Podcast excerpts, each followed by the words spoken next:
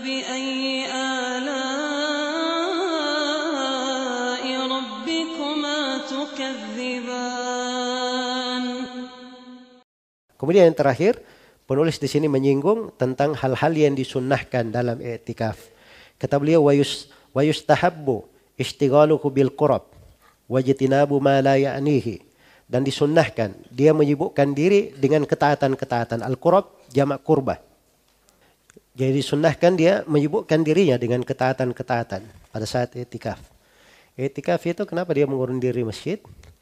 Agar supaya dia bisa ibadah kepada Allah. Itulah waktu dia bisa bermunajat, bersendirian kepada Rabbnya. Maka dia dekatkan dirinya dengan kurbah, ibadah-ibadah kepada Allah Subhanahu wa taala. Dia kurangi segala fasilitas yang bisa membuat dia berhubungan ya dengan manusia di luar sehingga menyibukkannya dari ibadah. Kemudian yang kedua disunnahkan dia meninggalkan hal yang tidak ada manfaat baginya.